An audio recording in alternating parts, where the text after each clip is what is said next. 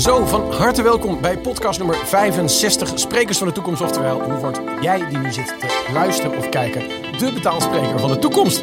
En je denkt mogelijk, jongens, wat is die Robert? Wat klinkt die verkouden? Maar nee, Robert zit vandaag andere kant van de tafel. eh, omdat ik hem mag interviewen naar aanleiding van zijn 65-delige serie met de beste sprekers van Nederland. Mijn naam is Arvid Buiten en mogelijk heb je me eerder voorbij horen komen in een andere aflevering, 33 en 35 uit mijn hoofd. Het doel van vandaag is om met Robert terug te kijken, eh, te analyseren en misschien wel een beetje vooruit te kijken in 2023. Robert. Ja, ik vind het nu al leuk. Ik vind eh, die, het is perfect. je hebt de, de, de intro perfect overgenomen. Ja, ik denk, ik, we moeten ook voor de kijkers en luisteraars een beetje stabiliteit. Blijven Hey, welkom aan je eigen tafel. Hoe voelt het aan die kant op de gastenstoel? Nou, ik vind het altijd een beetje spannend met jou. ja, ik vind het altijd een beetje spannend met jou. Jij bent toch altijd, eh jij bent precies hetgene wat ik niet heb, zeg maar. Oh jee, Ja, dus ik ben, met jou, ik ben altijd heel benieuwd eh, waar je me mee eh, gaat pesten, zeg maar. dat is een klein beetje zenuwen. Zeker, Ja, zeker. Het is zeker niet de bedoeling om je te gaan pesten. Nee. Jij hebt tientallen interviews afgenomen op precies deze plek waar ik nu zit. Welke momenten zijn jou bijgebleven? Want het zijn er veel. Wat, wat is je echt bijgebleven? Oeh, eh, nou, dat zijn er inderdaad heel veel geweest. Ehm, ik vond eh, een aantal sprekers die er mij echt... eh, Jan van Zetten was een van de eerste dat ik dacht van... Hey, nou, laat ik het zo zeggen. Je merkt toch wel heel vaak dat het voor sommige mensen... ondanks dat ze vaak op een podium staan... toch een podcast toch wel weer een ongemakkelijke situatie is, zeg Ja. maar. Want het is, ja, je, de, alle, alle trucjes en dingetjes die je normaal gesproken op een podium doet... die werken in een podcast niet. Nee. Dus je merkt toch dat mensen het soms spannend vinden, een beetje zenuwachtig zijn. Dat merk ik nu zelf ook. En ehm, eh, de meest begenadigde sprekers kunnen soms best wel even moeite hebben om in een podcast te komen. Om even in de sfeer te komen. En dan gaan ze heel veel praten, zoals jij nu ook. Maar, maar mijn vraag was eigenlijk heel simpel. Ja. En dus laten we er eens even rustig en Kijk, ontspannen dit is nou over, over precies de reden nadenken. waarom ik dus zenuwachtig ben voor dit interview. Nee, maar ja, je bent natuurlijk een hele goede spreker en een goede verteller. Maar, maar eigenlijk denken ze heel rustig na als je gewoon over die hele serie eh, van 60 gesprekken. Hè, Ja. Wat zijn nou, als, als, als, als we het bij de koffie over hebben, wat is het eerste wat in je opkomt? Welk beeld, wie zie je zitten? Waarvan denk je, oh, dit, dit raakt hem even, dat moment. Ja. Dat is bijzonder. Nou, ik vond met Guido Wijers heel mooi. Die eh, had een heel mooi eh, betoog over als, hoe hij naar zichzelf keek. Hè? Hoe hij naar zijn jongere zelf keek. Dat hij Ja. mega ambitieus was en eigenlijk een beetje te veel doorramde met heel veel dingen. En ehm, daar zichzelf nu niet meer in herkende. Mhm. Maar, en dat vond ik een heel belangrijk inzicht. Hij eh, besefte zich wel dat als hij nooit zo was geweest, dat hij nooit op de plek was gekomen waar hij nu was. Mhm. Dus oftewel, hij is een nieuw persoon geworden, maar heeft ook nog wel een soort liefdesverhouding met die oude zichzelf zijn, zeg maar. Ja. Eh, en dat vind ik mooi. Dus af en toe moet je dus ook, en dat komt vaker in de podcast voorbij, eh, even doorrammen. En een periode hebben dat je misschien niet de leukste persoon op aarde bent. Maar, wie, wie herkende je dat nog meer? nou ja, bij mezelf misschien wel het meest. Oké, maar daar komen we zo meteen op. Ik ben Oh. eerst nog even benieuwd naar al die gasten. Oh ja, Gaan nou, zeker bij jou uitkomen. weet Nou ja, ik denk dat bijna alle sprekers wel een soort. en ondernemers die in de podcast zijn geweest. wel ehm, de eerste 10, 15 jaar van hun ondernemerschap of van hun carrière. maar dingen aan het doen waren. Daardoor wel heel veel bereikt hebben. ehm, maar daarna een soort van mooiere versie van zichzelf werden. Ja, want Pilatschik die beschreef ook echt, in het begin liep het niet, had hij ook vrienden uitgenodigd. En dan zeiden mensen ook wel eens, Ja. je komt gewoon een beetje over Nou ja, kijk, ik ken natuurlijk al die carrières ook vanaf de, van, eh, nou ja, vanaf de zijlijn. Ik weet ook zoals Michael Platchik. Ik ben een van de eerste waar hij naartoe is gegaan Ja, ja. toen hij spreker wilde worden. Eh, en ik ben niet met iedereen heel intensief gaan samenwerken, maar heb wel altijd met iedereen een hele intensieve relatie gehouden. Ehm, dus eh, bij Michael Platchik, ja, die, eh, heeft, die liep meer tegen dichtslaande deuren aan dan open, zeg maar. Want iedereen dacht, ja, dan heb je weer zo'n foute radio-dj die ook nu spreker wil worden. Eh, en daar staat bijna niemand op te wachten. Hey, en als je nou naar al die mensen kijkt, want je hebt echt veel gesprekken gehad. Ja. Je ziet het ook aan het succes. Hè? Ik, ik, ik word wel eens aangesproken op LinkedIn door mensen die zeggen, ja, ik ken jou van de podcast van Robert. Dat, Oh ja? dat verwondert mij dan. Oh, wat grappig. Mij ook. Maar Ja. ik vind het ook leuk. Wat hebben al die sprekers nou gemeen met elkaar in jouw ogen? Eh, dat ze allemaal, weet dat, eh, eh, iets heel bijzonders doen. Hè. Ze, ze hebben ontzettende behoefte om in de belangstelling te staan, om aandacht te krijgen, om kennis te delen. Ehm, maar heel veel eigenlijk niet echt weten waarom ze daar zo succesvol in zijn geworden. Ik, heel vaak als ik aan sprekers vraag van wat is nou de kracht van een goede spreker en hoe word je als spreker nou succesvol, weten de meesten het eigenlijk niet. Maar dat is wel de premisse die in de intro van deze podcast zit. Nou ja, dat is ook Hoe een beetje mijn jij- zoektocht. Ja, precies. Ja. Ja. Ben, ben je er al? Kunnen we zeggen dat je er al bent? Of zeg je nou, ik ben halverwege? Nou ja, kijk, het, het jeukwoord eh, eh, authentiek valt eigenlijk elke podcast wel een keer. Dat heb je Ja. ook vast wel een keer gehoord. Ja. Ehm, eh, maar ja, ook met, met het woord au- authenticiteit is best wel een haat- en liefdeverhouding. Want iedereen zegt, ja, je moet authentiek zijn. Maar als je dan vraagt hoe je dat moet worden, vindt iedereen het dan weer lastig uit te leggen. Ja, ja, je moet gewoon jezelf zijn. Maar ja, jezelf zijn is misschien wel de grootste zoektocht op deze aarde. Je wordt ergens neergezet, je wordt door allerlei dingen in je leven uh, wordt je gevormd tot wie je bent. En ergens kom je misschien halverwege je leven achter dat je zo helemaal niet wil zijn.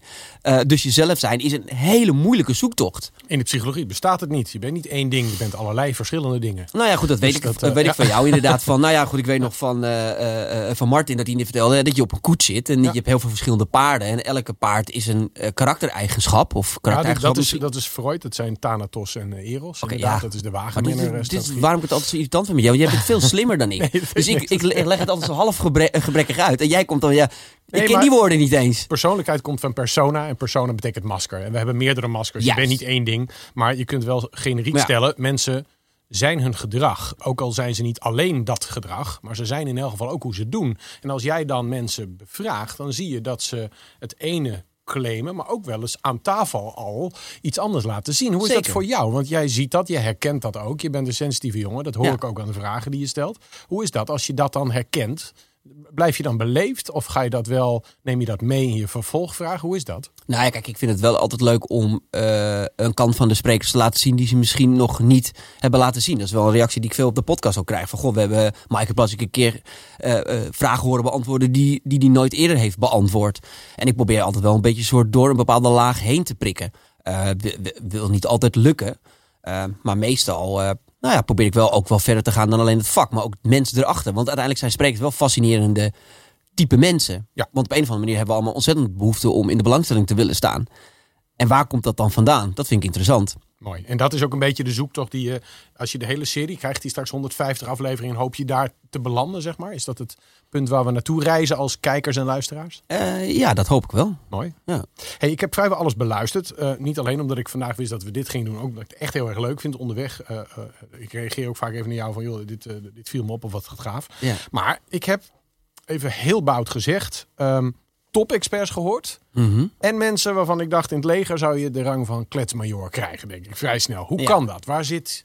Hoe is het nou mogelijk dat hier aan tafel mensen zitten die waanzinnig goed zijn in hun vak? Echt, eh, eh, nou ja, de uren in de studie hebben gestopt en daar echt heel goed in zijn geworden. Maar ook mensen dat je denkt, ja, je vertelt het echt waanzinnig. Ik zou het bijna geloofd hebben. Waar het niet dat ik weet dat het niet klopt. Hoe kan dat, dat dit bestaat? Nou, dat is misschien wel mijn eh, grootste vraagstuk, omdat ik dat natuurlijk ook in mijn vak merk. Ja, Eh, je hebt inderdaad mensen die eh, ontzettend goed een verhaal kunnen vertellen. en dat vaak ook nog wel één op één gekopieerd hebben van iemand anders. Hè, geïnspireerd raken heet dat dan tegenwoordig. Maar vaak is het gewoon op Gejat, kopiëren. Eh, of je wordt ontzettend laten inspireren door Amerikaanse eh, sprekers. Hè, de Tony Robbins en dat soort dingen komen regelmatig voorbij als inspiratiebron. Ehm, en je hebt soms hele geleerde mensen met een echt fantastisch uniek verhaal. Met hele bijzondere inzichten. En die boekt niemand.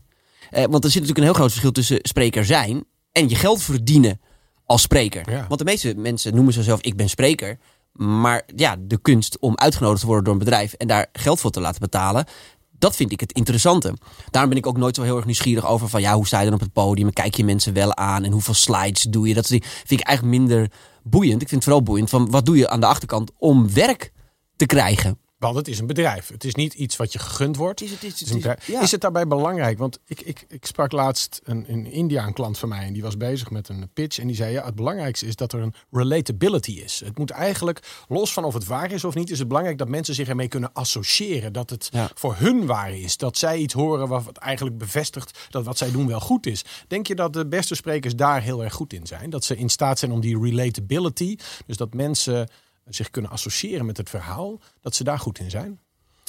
Dat, dat, dat vind ik heel moeilijk om dat in te schatten. Dat is niet iets wat ik echt eh, eh, tot nu toe is opgevallen of zo tijdens de podcast. Kijk, wat me wel opvalt is dat, en zo probeer ik het ook altijd te zien. Kijk, als we het dan hebben over de vraag van waarom wordt iemand uiteindelijk geboekt, eh, dan is dat natuurlijk vanuit de opdrachtgever gezien, die dus eigenlijk de klant is, vaak heel eh, eh, heeft een vaak heel andere insteek dan voor ons vakidioot, om het zo maar te zeggen. Kijk, wij kijken natuurlijk naar het vak en voor alle sprekers en we kunnen die op een soort van waarde schatten. Van, nou, dat is echt een geleerde, dat is een showman. En, Die is grappig. Ja, ja, maar voor de directiesecretaresse die het jaarlijks eh, bedrijfscongres gaat organiseren, is dat, is dat niet. Want dan is iemand die wij misschien een roeptoeter vinden, net zo expert en geleerd Ja. in het oogpunt van die vrouw. Want, het- dus het gaat dus om sterke marketing. Kijk, uiteindelijk kan je twee soorten producten hebben en ze kunnen alle twee hetzelfde kunnen. Maar waarom wordt die heel veel verkocht en die niet? En dat is vaak branding en marketing. Ja. Eh, maar de kunst is dus, hoe bouw je dus rondom jezelf een merk. sterk merk, waardoor, nou ja, als een klant zit te googelen of ergens in een magazine denkt van, oh, die wil ik op mijn evenement hebben. En als jij dan deze podcast uploadt, dan moet je altijd een categorie aangeven. Is dit dan een marketing podcast of een psychologie podcast? Ja, ik hoop een psychologie-podcast, maar ik denk dat ik me daar te veel eh, eh, credits mee geef. Want ik denk dat we zo diep ook niet gaan. Eh, ik denk Nou dat ja, het- denk, ik denk het wel. Ik denk dat je het probeert. Maar ik zie ook in, dat je soms mensen nog een keer uitnodigt. En ik altijd, goh, dan, dan weet jij dus dat er nog iets te halen valt. En dan, dan zoek je dat. Maar, er zit maar- soms ook wel zo'n zakelijk belang in natuurlijk. hè. Nee, dat begrijp ik. Dan, dat, daar ben jij ook niet eh, geheimzinnig over. Ja. Hey, en nou, nou, dankzij Jos, die zit hier eh, heel erg eh, technisch te zijn. Die heeft overal kamers opgesteld. Tegenwoordig kijken we ook naar de podcast. Ik ook. En dan, dan, dan valt mij toch iets op, Robert. Het, het Oh. grootste deel van die sprekerstaal het zijn best knappe mensen. Oh ja? Eh, niet allemaal, maar als de klanten moeten kiezen... hebben ze dan liever een knapperd met een kletsverhaal, kletsverhaal... dan een lelijker die gelijk heeft? Oeh. Eh, ik, nee, ik denk, dat, ik denk dat juist deze twee verschillen de markt zijn. Dus ze willen of een knappert met een, eh, nou ja, in jouw verhaal, dan, eh, jouw, bewoording, naar mij, ja. jouw bewoording ja, ja. dan een half verhaal. Of inderdaad de lelijkert met een, eh, een geleerde. Oké. Alles wat er tussenin zit is eigenlijk niet zo interessant namelijk. Maar het speelt dus allebei een rol. Ja, tuurlijk speelt het een rol. Kijk, en laten we ook niet vergeten dat mensen, als die een evenement organiseren, ook heel graag willen dat er mensen komen. Ja. Dat is een heel belangrijk aspect. Dus bekendheid eh, eh, en aantrekkelijkheid. Maar dat is natuurlijk, of je dat nou mooi of lelijk is. Want lelijk is ook aantrekkelijk. Daar wil je ook graag naar kijken. ja, uiteindelijk, ja, nou, ja, ja, het, het moet interessant zijn. Dus je merkt dat alle sprekers die in de uiterste zitten, dat die ook veel geboekt worden. Ja, mooi. Hey, en nou ga je met, met meerdere gasten terug het verleden in. Eh, je zei al, het is eigenlijk een psychologie-podcast, eerder dan Ja. marketing. hè. Dat, daar zit toch een Nou ja, daar zit wel mijn interesse. fascinatie Ja, van jou om, om uit te zoeken waar bewijsdrang, podiumhonger, applausgeilheid, waar die vandaan komen. Eh, hoe is dat voor jou geweest? Ja, jeetje, dat, dat is waar mijn leven op eh, gedraaid heeft natuurlijk. Kijk, Mhm. ik eh, heb natuurlijk eh, eh, ben zelf als artiest begonnen. Vanuit een ontzettende vraag om gezien te worden. Ja, En eh, nou, dat bij mij, ik ben dan uiteindelijk mijn carrière begonnen als goochelaar. En eh, eh, ben het podium opgegaan eh, als cabaretier slash goochelaar. Ja, dat deed ik natuurlijk vooral in het begin om gezien te worden. Maar nou begin jij bij de goochelaar en de cabaretier. Mhm. Eh, we, we hebben elkaar ook in een andere podcast wordt veel Ja. duidelijker, veel langer gesproken. Dus Ja. ik wil toch nog, als jij het goed vindt, een klein stapje terug Ik gaan. vind Want het helemaal goed. Ik ja, ga even iets wat chargeren, maar jij bent feitelijk een soort eh, eh, eh, religieuze secte ontvlucht om je als eh, eh, goochelaar en cabaretier eh, tot de buitenwereld te gaan verhouden. Ja. Kun je ons dus meenemen, de kijkers en de luisteraars, in, in dat punt, naar dat Ja. punt, nog iets daarvoor? Want eh, jij bent opgegroeid in een gezin dat toen ter tijd was aangesloten als Jehovah-getuige. Zeker, ja. Ik Eh, ben hoe- eh, ja, daar echt in opgegroeid. Geboren. Ja. Exact. Dus, dus jij zat in die wereld. Herinner je je nog hoe jij naar de wereld keek als kind in die periode? Oh ja, exact. Ja, zeker. Nee, ik heb, ik heb een ontzettende geïsoleerde jeugd gehad. Ehm, en heb mijzelf altijd ontzettend buiten de rest van de wereld voelen, heb voelen staan, zeg maar. Dus ik, ja, wij, wij waren Joodse getuigen, wij waren gelovig en wij eh, waren ook echt wel fanatiek gelovig. Ik zelf ook. Ik, ik, vond het heel, eh, ik beleefde het geloof echt heel intens. Dus ik, eh, als ik op ver- verjaardagen op school geen dingen aan mocht nemen, dan deed ik dat ook niet. Hè, je ziet nog wel eens kinderen die dan stiekem deden dat. Nee, ik was heel stellig. Principieel, als Principieel- je zegt je mag geen Ja, cadeautjes. wat, wat, wat God zat in mijn systeem, om het zo maar te zeggen. Ik, ik, ik, ik legde ook direct verantwoording af aan God. Ik had een directe lijn met hem toen ik heel jong was. Dus maar dat, ja, ik, ik was, heet dat, ehm, daardoor niet heel populair in de buitenwereld. Dus jij verhield je eigenlijk niet tot die buitenwereld. Nee, totaal niet. Nee, ik was echt, eh, leefde afgezonderd, ja. En dan komt er een moment dat daar een breuk in komt. Herinner je je dat nog? Nou, ik weet nog dat ik altijd wel heel erg nieuwsgierig ben geweest naar die buitenkant toe. Eh, en dat ik, eh, zeker naarmate ik ouder werd en hoe heet dat, de tien gepasseerd werd, werd ik wel steeds meer nieuwsgierig naar de, naar de, de rest van de dingen in de, in de wereld. Want die zag ik natuurlijk wel voorbij Wat, komen. wat was het eerste dat je nieuwsgierig maakte? Ja, het uitgaansleven. Want dat was natuurlijk... Vrouwen. Ja, Of het de spanning of het stoute. Of... ja, dat. Vrouwen ook natuurlijk wel. Maar het was wel ook vooral inderdaad het, het, avontuur, eh, het avontuurlijke. Ik had een avontuurloos leven, om het Ja. zo maar te zeggen. Want ik liep echt langs de deuren met mijn stropdas. En ik schaam ik me ook niet voor. Want ik ben ook heel blij dat ik die periode ga. Want ik heb binnen Joost Tuig ook onwijs veel geleerd. Ik stond al, toen ik zes was, stond ik al lezingjes te geven op podia. Ja. Je kan het kindermishandeling noemen. Eh, is misschien ook wel ergens Of opleiding. Ja, Of opleiding. heeft jou gebracht tot waar je Ja, bent. Dus dat doet er niet toe. Ja. Hey, en en dan, dan raak je eh, geprikkeld door die buitenwereld. Op een gegeven moment komt er een moment, eh, zeker binnen die gemeenschap, dat je op een gegeven moment zegt, ja, moet je kiezen. Dus of je bent bij Ja. ons of je bent niet bij ons. Jij hebt uiteindelijk gekozen, ik ga eruit. Nou, het was ook wel wat, wat ook wel grappig is. Dus ja, het wa- was die buitenwereld. Maar wat mij ook voor mij altijd een fascinatie is geweest, is rijkdom. Want eh, mijn ouders waren ook nog eens een keer niet heel erg vermogend. Dus we waren echt een bijstandsgezin, om het zo maar te zeggen. En we waren religieus. Dus we hadden eigenlijk van alle mooie dingen in het leven, om het zo maar even te zeggen, hadden wij het allemaal niet. Dus ik was ook altijd heel gefascineerd. Hoe kan het nou dat wij geen geld hebben en andere mensen wel? Maar binnen Jehovah's getuigen is dat ook wel belangrijk, toch? Die rijkdom. Zeker, maar daarom vielen wij ook Dus je viel binnen. ook daar viel je nog buiten. Wij, viel- ik, ik viel in de buitenwereld buiten de boot, maar ook binnen Joodse vielen wij ook buiten de boot. Want wij waren daar ook nog eens een keer onderaan de sociale ladder van de getuigen, om het zo maar te zeggen. Dus ik had nergens een aankopingspunt. Eh, en ehm, ehm, zowel mijn fascinatie naar de buitenwereld als mijn fascinatie voor rijkdom, wie ben ik al vanaf heel jonge leeftijd gaan mezelf gaan opleiden. Van ja, maar hoe kan het nou dat zij wel geld hebben en ik niet? Of succesvol zijn, of een mooi leven hebben, of ding. En dat, dat ben ik stapje voor stapje gaan ontdekken. Eh, en toen ben ik op redelijk jonge leeftijd in de entertainmentwereld terechtgekomen. Omdat ik goochelde. Dat deed ik al vanaf dat ik acht was. Op een gegeven moment. Toen kwam ik ineens in de buitenwereld. Ja. En ook nog wel eens een keer de Sodom en Gomorra buitenwereld. Waar van alles gebeurde. Want ja, je zat gewoon in de entertainmentwereld.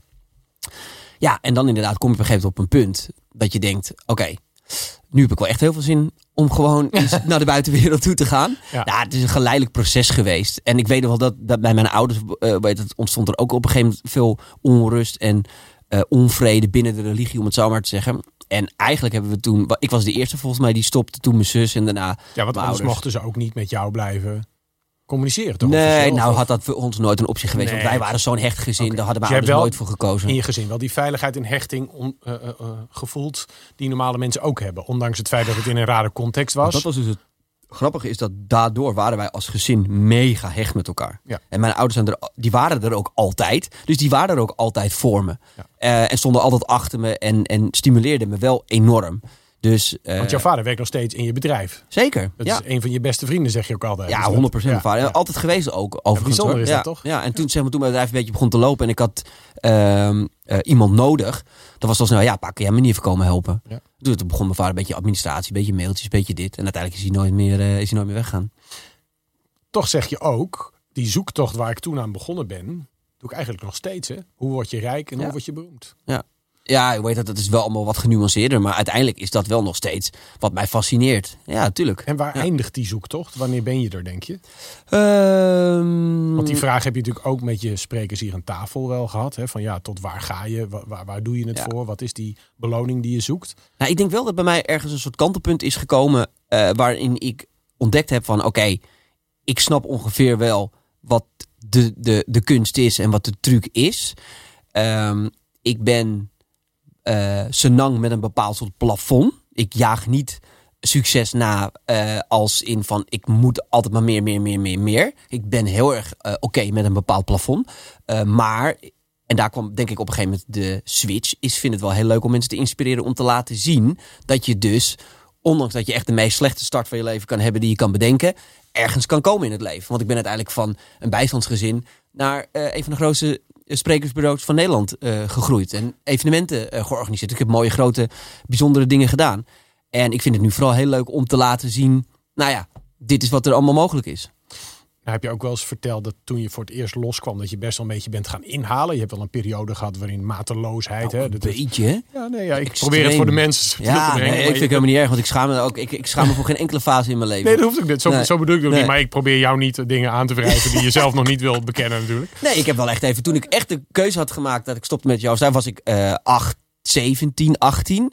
Ja, toen heb ik, heb ik het nachtleven wel even eh, goed aangetikt, om het zo maar te zeggen. Ja, nou, toen ben ik wel goed... eh, en, maar ik vond het ook fantastisch. Dat is het toch ook? Want ik Ja. stond in die club onder invloed van alles wat je maar kon bedenken. En ik stond daar gewoon. En ik, voor mij ging er echt letterlijk een wereld open. Ook spiritueel. Ja. Omdat ik gewoon ineens zo van. Nou jongen, dit is gewoon. En ik werd daar geaccepteerd. En ik maakte daar vrienden. En eh, ineens hoorde ik wel bij, eh, eh, bij de rest van de, van de wereld, om het zo maar te zeggen. Ja, dat was een hele waardevolle periode. Dus je voelde je ook onderdeel van die wereld voor het eerst. Zeker. Ja. Ja, 100%. Ja. Dan, dan kom je daarna ook in een periode dat het eerste feest achter de rug is. Dan heb je ook wel eens verteld dat er dan stress, angst, gevoelens Mhm. op je pad komen. Je moet je gaan verhouden tot het feit dat je dacht dat er na de dood toch nog een hemel voor je klaar stond. En dat de vraag is... Ja, eh, je hoeft daar geloof ik geen hemel, maar wel een paradijs. Of Ja, een paradijs, Ja, eh, ja. fair enough. Eh, goed, voor, voor zover we daar dan nog niet zitten. Ehm, welke rol heeft die angst gespeeld? Ehm, heel groot. Wat er ook in geresulteerd heeft dat ik rond mijn dertigste echt wel een flinke burn-out heb gehad. Ik vind burn-out een rotwoord. Ik weet niet of een burn-out... Depressie misschien? Ja, ja het, het gekke is, is dat ik nooit heel depressief ben geweest voor mijn gevoel. Maar wel heel angstig. Dus ik had, weet dat, enorme paniekaanval op een gegeven moment. En het kwam, er, het kwam me eigenlijk helemaal uitgekleed. kwam ik er uiteindelijk achter dat het kwam omdat ik natuurlijk letterlijk vanaf mijn geboorte opgevoed ben met het feit dat ik voor eeuwig zou leven. Dat was mijn voorbestemming. Zelfs als ik zou sterven, zou ik nog terugkomen. Want ik deed alles wat je van God moest doen. Ja. Dus ik heb nooit over de dood hoeven nadenken. Ehm, totdat ik ineens erachter kwam, toen ik tien jaar lang als niet-Joods getuige geleefd had. Van, oh ja, maar wacht eens eventjes. Dat betekent dat ik ooit een keer dood ga. En die bewustwording vond ik heel erg moeilijk. Ja, dat kan ik me heel goed voorstellen. Waardoor ik uiteindelijk, eh, het resulteerde in dat, dat ik hoe heet het, in paniekaanvallen eh, eh, verzuimde. En, en uiteindelijk gewoon geen trein meer in durfde, geen vliegtuig meer in durfde. En op een gegeven moment gewoon mijn gedachten niet meer kon ordenen. En, en hoe heb je daarmee om leren gaan? Heb je professionele hulp gezocht? Kreeg je dat? Waren de Zeker. mensen... Daar ben ik ontzettend blij mee. Ja. En eh, dat is ook iets dat ik iedereen altijd aanraad. Ehm, Zoek hulp. Nou, eh, zoek hulp. Ik ben naar een psycholoog toe gegaan. Wel op eigen initiatief. Ik heb zelf wat een aantal gezocht. Nou, een aantal vond ik heel raar. Daar had ik geen klik mee. En op een gegeven moment kwam ik bij Elko. En Elko was, weet dat, eh, daar heb ik EMDR mee gedaan. Ook om wat trauma te verwerken. Want vanuit mijn religie had ik toch blijkbaar een paar gekke trauma's. Die, waar je echt van zou zeggen van ja, dat kan toch niks zijn. Maar dat was toch een soort onderliggende, wat heel erg het Trigger. systeem triggerde. Precies, ja. Ehm, dat was voor mij echt, eh, dat was oh, echt een verademing, zeg maar. Ehm, en ehm, die mag je best weten, ik wil dat best delen. Ik heb echt tot mijn 16 of 17, eh, elke nacht voor ik ging slapen, echt doodsangst gehad voor geesten. Want ik ben al vanaf jongs af aan opgevoed met eh, dat er demonen zijn die je leven kunnen Beïnvloeden. ja, en, beïnvloeden. Sterker ja. nog, want we, we bij de altijd hele heftige verhalen Het goochelen was ook werken met de duivel? Zeker, dat, Ja. dat, dat, dat werd, mezelf nog ja. op een gegeven moment nog, eh, nog beticht. Ja. Dat ik op een gegeven moment echt tegen die mensen van die overtuiging begin van... nou, eh, nee, ik werk niet met demonen, maar met een nepduim inderdaad. ja, Ja, eh, maar goed, dus, eh, en met dat EMDR was ik daar in een, in een split second was ik daar vanaf. Mooi dat je dit gebaar er ook bij doet. Ja, dat is precies dat. eh, Ja, dat was echt voor. Ja, nou, dat- ja, het was letterlijk dit. Maar echt, dat was voor mij gewoon. Want ik vond het nog best wel eng dat EMDR. Want vanuit mijn religie was dat natuurlijk allemaal hekserij. Ja. En ik weet nog dat ik dat de eerste keer daar naartoe ging heel spannend vond. En, ehm, maar wel al gelijk resultaat merkte. Nou ja, goed. en Uiteindelijk nog veel therapie gehad. Of therapie vind ik altijd zo zwaar klinken. Ik zag meer een soort coaching. Maar goed, gesprekken leren. gesprekken. whatever. dat, ja. ja. En dat heeft me heel erg. Ik heb heel erg het gevoel gehad. ehm, eh, alsof ik me in die tijd echt alles opnieuw moest leren. Alsof ik mezelf helemaal opnieuw moest uitvinden. En dat heb ik wel gedaan ook. En ik ben, heb toen ook wel heel erg de switch gemaakt naar ehm, eh, niet meer dingen voor anderen doen, maar voor mezelf. En mezelf ook te zijn. En niet meer, eh, nou, ik heb het in een andere podcast ook wel eens verteld, niet meer het ondernemertje te spelen, maar gewoon Robert te zijn. En, wat, wie is Robert die hier nu tegenover me zit? Ben jij 100% senang of speelt er nog een, altijd een randje dat je zegt, nou, er zit altijd nog een spanningje of een... Hoe zit je hier nu op dit moment? Eh, er zit altijd nog wel een spanningje. Ja, maar weet dat, dat is, niet, dat is, dat is eh, echt nog maar 5% van wat dat, dat vroeger was. Eh, omdat ik nu wel heel erg oké ben met wie ik ben. En eh weet dat eigenlijk al die shit van, oh ja, je, bent, je doet er niet toe of je bent geen onderdeel van deze wereld echt achter me heb gelaten. Want ik ben inmiddels ontzettend onderdeel van deze wereld, om het zo maar te zeggen. En heb daar inderdaad alle eh maxen van aangeraakt. En ben eigenlijk ook door die burn-out wel door, eh, eh, in een stabiele fase terechtgekomen. Waardoor ik ook tegen mezelf kan zeggen, oké, dit is genoeg. Hier, houdt, Ja, ben je tevreden? hier houdt het op. Ja, ik ben ontzettend Je tevreden. hebt nu een gezin, je, je- Ja. je, je hebt een mooi leven. Zeker. Ik zeg wel eens, Robert is volwassen geworden. Ja. Voelt het zo? Ja, ontzettend, ontzettend. Maar dat wil niet zeggen dat ik niet ook af en toe nog wel eens met mijn demonen te maken heb. Want ik, heb wel altijd, ik, ik moet wel altijd vechten tegen niet doorslaan in weer eh, nog meer succes Meer en nog meer geld en nog meer werken en eh, dat. Maar ik moet ook zeggen dat het hebben van een gezin daar ontzettend eh mij Wat zeggen die tegen helpt. jou als je weer bijna doorslaat? Ja, dat, dat hoeven ze niet echt te zeggen. Waar merk je het aan dan, dat je bijna doorslaat? Nou, omdat ik dan weer gewoon te veel naar anderen aan het kijken ben. Hè, van, oh ja, maar ja, je, maar die, ja, maar die heeft dit. En wat, ja, goed. En je, je komt nu ook in de levensfase dat hè, ik ben eigenlijk alleen maar bevriend met ondernemers. En ja, sommigen die hebben nu gewoon ineens bedrijven met 200 man. En die 40 miljoen omzet draaien. En daar moet ik dan af en toe nog wel eens tegen mezelf zeggen: ja, maar dat is helemaal niet wat je wil. Dat is niet waar je gelukkig van wordt. Dus ambieer dat dan ook niet. En op welk punt heb je dat leren zeggen en, en leren accepteren? Dat dat Die helemaal niet is je... Ja, dat Ja, die want- 30 op je 30 Ja, want ik was echt veel te veel naar vage dat is doelstellingen. nu twee jaar geleden toch? Dat is ongeveer twee jaar geleden. Nee, maar dat was echt, echt een soort kantelpunt waarin je ook Ja. meteen niet alleen van die angst afscheid hebt genomen, maar ook hebt kunnen zien, ja, dit is wat ik echt graag wil, daar werk ik voor. Nou, omdat ik zo erg in die, in die highs bezig was de hele tijd. eh, en, en altijd zo van, oh ja, maar ik wil eh, heel erg rijk worden. Maar heel erg rijk worden is een ontzettend vaag begrip, zeg maar. En je bent toch rijk op, op objectieve maatstaven, hoor je bij de 1% zeker, maar je, maar, maar je hebt altijd, weet dat, eh, Meer, iemand, iemand die meer heeft. Eh, en dan is het de vraag inderdaad, ja, maar heb je dat nodig? Nou ja, en daar heb ik in, in die periode heel erg eh, mezelf leren kennen. Van ja, maar als ik dit heb, dan heb ik echt voldoende. Want dan kan ik doen wat ik leuk vind. Dan, Maar als hier iemand voorrijdt met een Bugatti op jouw parkeerterrein, Mhm. dan prikkelt het toch nog.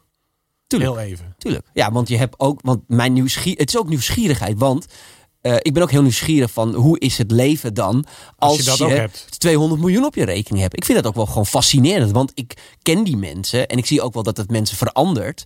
En eh, eh, ik zie ook de negatieve kanten Ik, ervan. zeggen, ik werk met dat soort mensen. Ja, nou ja, het- jij weet niet- antwoord op de vraag hoe is dat leven, vaak niet zo leuk. Nou ja, daarom. Dus, en dat, dat vind ik dan ook wel weer fascinerend, zeg maar. Want dat kan je alleen maar ervaren door het ervaren. Ik heb ooit een keer van Jim Carrey, die zei ooit... ik gun iedereen 100 miljoen op zijn rekening... om erachter te komen dat dat het ook niet is. Ja. Eh, Ja. Hè, en, weet je, en dat is natuurlijk wel waar het om draait. En ik vind alles wat rondom succes hangt... dat is ook waarom ik in het sprekersbureau uiteindelijk ooit ben gestart... eh, vind ik heel fascinerend. Omdat het vaak aan de buitenkant heel mooi lijkt... en aan de binnenkant veel meer gaande is dan dat mensen zien. Nou zie ik mensen die succesvol zijn, die hebben dat bereikt en die hebben kinderen en die worstelen met de vraag hoe. Die weten dat ze zelf vaak nog niet heel gelukkig zijn of dat, daar speelt nog van alles. Die hebben nog niet allemaal de stap gezet die jij hebt gezet, namelijk dat, dat confronteren, dat aangaan, dat avontuur. Maar die worstelen wel met de vraag, ja, als ik dit zo door laat gaan en ik ga dood, krijgen mijn kinderen zoveel geld, word ik niet gelukkig. Hoe werkt dat? Welke les moet je doorgeven als je dat eenmaal bereikt hebt? Dus eigenlijk is het trucje van geld verdienen. Dat weet, jij weet hoe dat werkt. Als jij morgen een kaaskraam hebt, dan ben je over twee jaar ook weer waar je nu bent. Hè? Op een gegeven moment weet je gewoon hoe Ja. dat werkt, dat spel. Ja. Hoe zou jij dat doorgeven aan een volgende generatie? Hè? Waar- waarvan zeg je, ja, maar je moet ook gelukkig kunnen zijn zonder die 100 Ja. miljoen. Hoe doe je dat? Nou, ik moet je heel zeggen dat ik weet dat eh, pas sinds kort eh, bezig ben met het eh, concept van opvoeding. Ja, Ehm, en ik weet dat, nou ja, kom natuurlijk uit een. Eh, eh, eh, en ik merk dat ik daardoor dat ik heel erg wankel op heel veel verschillende gedachten. Zeg maar. Want aan de ene kant denk ik, nou laat hem maar lekker in het begin van zijn leven even goed op zijn bek gaan. Want hè, dat is mij ook gebeurd. En uiteindelijk kom je dan toch, hè, maar geef iemand wel de tools om. Maar aan de andere kant denk ik, ja, maar het is ook wel heel mooi als je al een hele goede voorsprong hebt op de rest. En al die, die levenswijsheden al hebt, dat je misschien wel. ehm, en waar bestaat die voorsprong dan uit? nou ja, dat, kennis, eh, ervaring. eh, Maar niet uit geld. Levens. Nee, nee, nee, nee. Geld, nee, geld is. Maar is- dat wordt vaak als eerste doorgegeven. Niet die kennis en die ervaring. Dat geld wordt Nou, doorgegeven. dat, dat, dat, dat klopt. En weet dat. eh, ehm, ja, de vraag is: wil, maar bedoel je dan zeg maar eh, eh, of je iemand geld wil geven, zeg maar, als Nee, maar een ga legacy? kijk, of, eh, heel vaak eindigt het in een erfenis van geld en Ja. de kennis is vergeten. Ben Ja. jij dan al bewust die levenservaring en die kennis, ben jij al aan het nadenken over hoe je dat doorgeeft? ja, dat, ja dat, dat, dat dagelijks. Maar ik Echt, hoop dat het ook lukt. Ja. Ik hoop dat het ook lukt. Maar het, ik ben er ook al achter gekomen dat bij opvoeding er ook niet één, Nee. één script is, zeg maar. En dat is best wel vermoeiend. Dus het is net als met succesvol. Niet, ja, mensen kunnen wel eens beweren, business coach, van oké, ik heb de tien stappen naar succes. Het is gewoon bullshit. Want, Absoluut, want ja. voor iedereen zijn er tien andere stappen. Er zijn Maar- misschien maar wel tien stappen. Er loopt een klein mannetje bij jou Ja. door het huis. Eh, het is natuurlijk ook niet de belevingswereld van een 20-jarige. Hè? Nee. Hoe ga je nou klein, waar, waar, waar denk je dat kinderen beter van worden als ze dat leren? Moeten ze om leren gaan met frustratie? Wat, wat is het? Eh, ja, wij, wij zijn heel erg van, en dat heb ik heel erg van, me, van, van mijn vriendin geleerd, eh, eh, rust, reinheid, regelmaat. Ja. En dat zijn we heel streng in. Dus we, wij- wij, houden die regelmaat aan. Ehm, en eh, veel één op één tijd, zeg Ja. maar. Dus ik vind het heel erg belangrijk om veel met hem samen te doen. Aandacht. Aandacht te geven. Maar wel binnen de kaders. Dus geen overkill aan aandacht. Het wordt geen, we hopen dat het niet een verwend jongetje wordt die, hoe heet dat, ehm, eh, alle aandacht maar krijgt. Rust, regelmaat en, eh, en reinheid. Reinheid. Ja. Leuk. Hey, wat zijn parallellen? ja. Hè? Wat, wat, je schetst nou in, in, in een kwartier een, een, een rijk leven, zeker qua ervaringen Mhm, van jezelf. Hè? Wat zijn parallellen die je trekt tussen jouw leergeschiedenis en van de sprekers die we voorbij hebben horen komen? Waar zie je linkjes? Nou Want ja, ze zijn natuurlijk niet allemaal Jehovah geweest. Nee, ja, het is, het is allemaal uit een, uit een bijzondere, hoe heet dat? eh, eh, dat is overigens niet over één kam te scheren hoor. Want echt elke spreker heeft wel een ander pad gehad. Nee, daarom ik, Maar wat er zijn de enorme, parallellen? Ja, enorme nieuwsgierigheid naar, naar het leven. Mhm. Eh, en dan pak ik hem maar gewoon even breed het leven. Want uiteindelijk is dat dan bij iedereen een ander facet van het leven geweest. Maar die nieuwsgierigheid is wel essentieel. En is dat eh, nieuwsgierigheid als van een slim kind dat denkt hoe zouden de sterren werken? Of zit er eigenlijk altijd een pijn en ellende die drijft dat ze daar nieuwsgierig naar zijn geworden? Zit er vaak een, een, een nare oorsprong onder die nieuwsgierigheid? Ja, maar goed, ik bedoel, dat, dat, dat, dat, dat merkte ik al toen ik in dat artiestenwereldje kwam. Mhm. Toen merkte ik, hey, iedereen die hier is, die is ooit gepest. Of heeft een moeilijke start in zijn jeugd gehad. Dat merkte ik al vrij jonge leeftijd. Dat was ook best wel grappig, want daardoor had ik ook best wel een aanknopingspunt met al die artiesten. Want ze hadden allemaal ellende. Ze werden allemaal gedreven. Want toen ik er net in kwam, was ik natuurlijk heel jong, hè. Ik was eh 8, 9, 10, 11, 12, dat ik echt dat wereldje inkwam. En ze waren allemaal, draagden ze een frustratie mee. Eh, en wilden daardoor gezien worden. Mhm. Eh, want ja, anders klim je nooit een podium op natuurlijk. Nee, is het zo? Je, zegt dat heel vanzelfsprekend. Waarom zou gewoon eh, Jan Boerenlul niet een podium opklimmen? Nou ja, goed, heet dat? eh, eh, eh, dat ja, omdat, omdat, om- omdat je echt wel een enorme behoefte om gezien te worden moet hebben. Maar neem eens mee. Je staat, je hebt een, zaal op, op een congres. Jij hebt natuurlijk veel opgetreden. Je staat op de zijkant van het podium. Niemand ziet je nog. Een klein trappetje. Er staat een stage manager met een Ja. koptelefoon. En die zegt, Robert, twee minuten. Wat denk je? Wat, hoe sta je daar? Welk, wat voel je in je lijf? Ja, dat is wel echt nu echt heel anders dan Ja, toen ik net begon. Doe eens in het Toen ik begin. net begon? Ja. Ja. jezus, dat was voor mij gewoon bijna iedere keer als een, eh, als een, eh, als een auditie. Ja. Want wat ik, je, je, ja, je, je- be- beoordeeld en veroordeeld worden door een hele groep mensen was misschien wel mijn grootste angst. En hoe Eh, kan het nou? Want er zitten allemaal mensen te kijken en te luisteren. Die dat ook ambiëren. Hoe, gek moet je zijn om dat dan lekker te vinden? Nou ja, ik weet niet of je gek moet zijn, maar je moet wel. Ja, kijk, kijk ik, eh, het gekke was ook in die, mijn periode dat ik zo'n angsten had, zeg maar, paniekaanvallen. Ik ben wel van nature geprogrammeerd om confrontaties aan te gaan met mijn angsten. Ja. Dus ook binnen je overtuigen. Ik bedoel, de verdoemenis en, en het einde van je leven werd me beloofd als ik de dingen zou doen die ik ben gaan doen. Dus ik ben van nature, heb ik iets in me om wel die angsten op te zoeken. Of de confrontatie met die angsten op te zoeken. Ja, dat was ook het lekkere van zo'n optreden. Want je ging met, met een heel laag zelfbeeld dat podium op. Ja. En je kwam er vanaf met een enorm grote, grote hoe heet dat? Dopamine kick in zelfbeeld. ja, en ja. Nou ja, precies dat. En nou, dat is natuurlijk een heel lang proces geweest van eh, eh, waarin dat steeds natuurlijk meer afzwakte en dat je op een gegeven moment meer ook in het dagelijks leven een neutraal, goed zelfbeeld had. Maar dat betekent dus dat het een verslaving wordt. Dat kan. En dat zie je ook heel veel. Run jij hier een verslavingskliniek? Nou, nou ja, ik, ik, ik heb echt wel sprekers gehad waar ik tegen heb gezegd van ik wil best met jou werken. Maar dan gaan we je boekingen van 300 keer per jaar naar 150 keer per jaar brengen. Want je vrouw is bij je weg, je ziet je kinderen niet, eh, je bent super eh, gestrest, weet ik veel wat allemaal. En dat ga ik niet faciliteren. Dus daarin bescherm je ook mensen. Ja, maar dat is ook, ook, ik denk dat het ook heel erg belangrijk is. Maar jij hebt wel dat punt moeten bereiken om te leren. Waarom gun je ze dat punt dan niet? Dat ze gewoon lekker over de kop gaan tot het niet meer gaat? Ja, dat mag wel, maar dat faciliteer ik niet. Nee, zo. Dat moeten ze dan maar lekker eh, voor zichzelf ontdekken. Ja.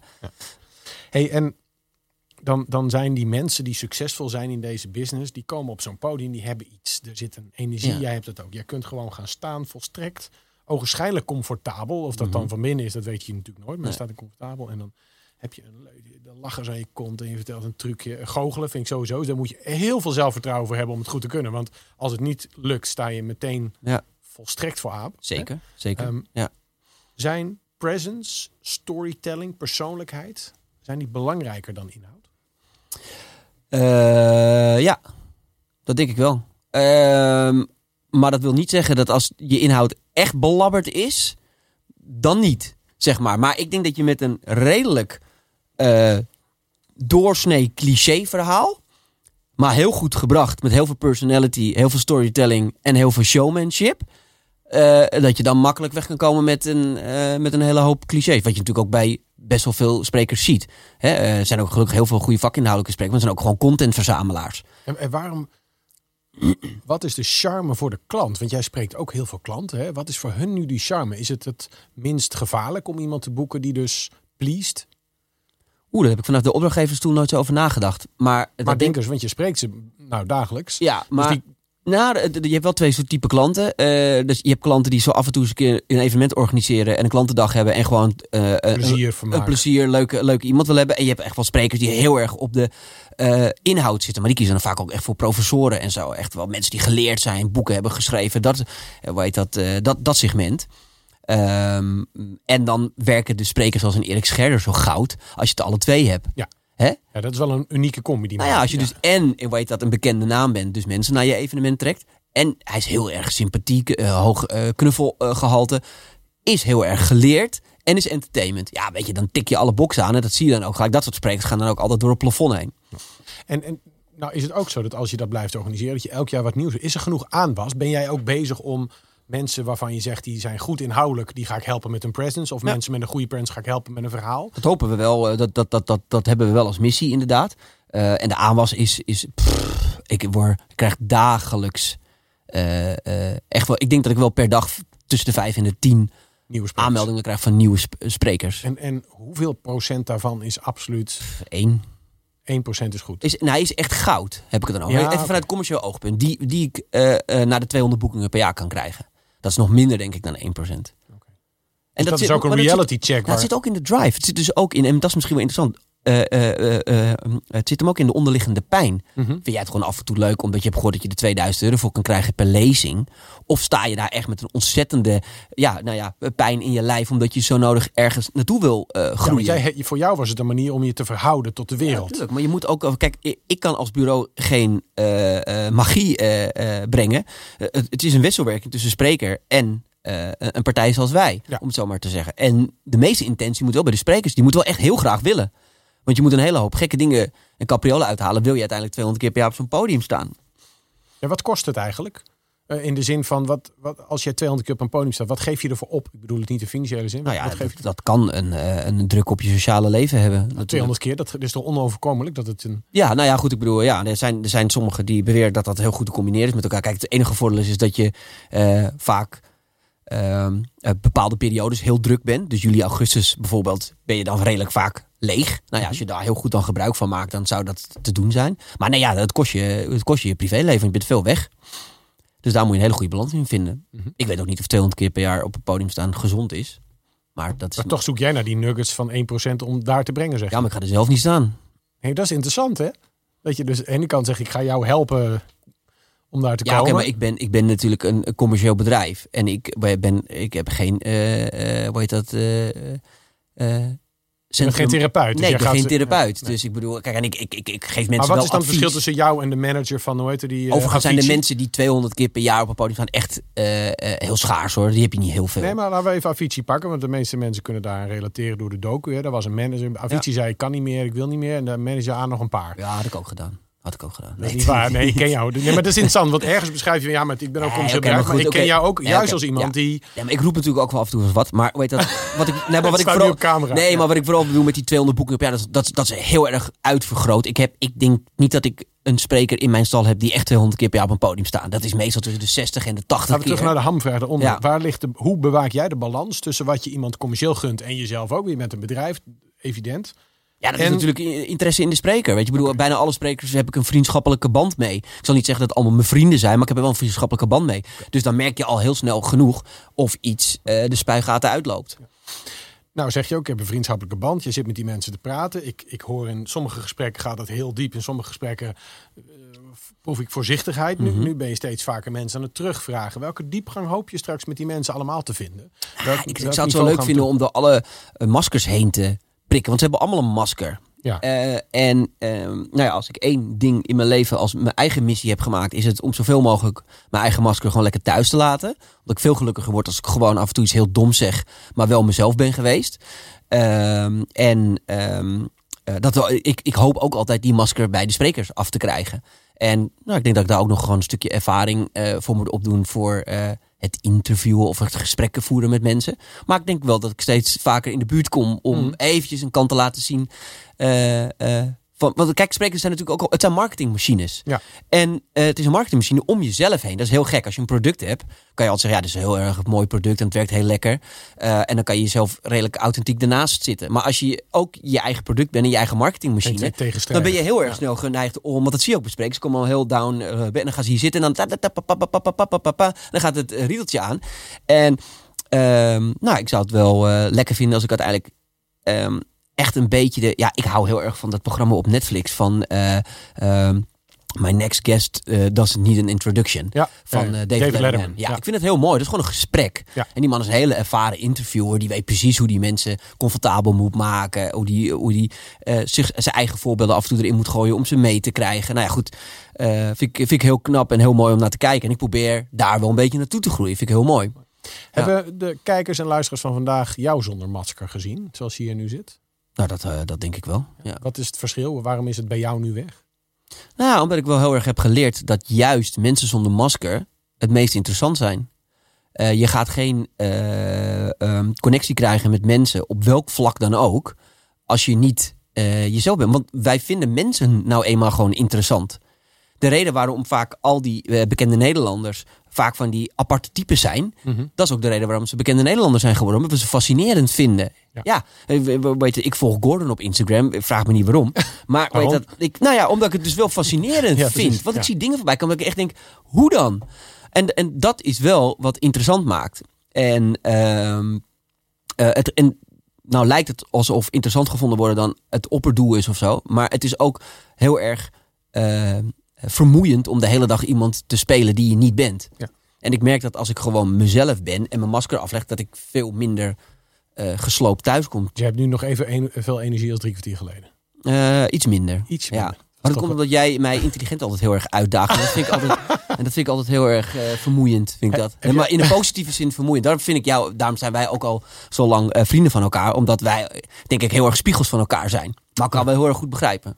Wat is jouw ambitie voor dit Ook jaar? mag niet over jou hebben, begrijp ik ook. Zeker wel. Daar hebben we een andere podcast voor. Ik, vandaag zit ik in een andere rol. Mijn grootste ambitie Voor dit dat? jaar. Voor dit jaar. Wat is jouw ambitie voor Eh, dit jaar? Weer een eigen event organiseren. Oké. Dus dat, ga- dat gaan we van jou zien. Zeker. Hartstikke Gaat me iets heel tof komen ook. Leuk. Hey Robert, ik wil je ontzettend bedanken eh, eh, hier, zowel voor vandaag als voor je geweldige podcast met de topsprekers van Nederland. Eh, jullie allemaal bedankt voor het kijken en luisteren vandaag. Eh, check vooral de website van Quality Bookings voor nog veel meer inspirerende interviews. Bedankt en tot snel.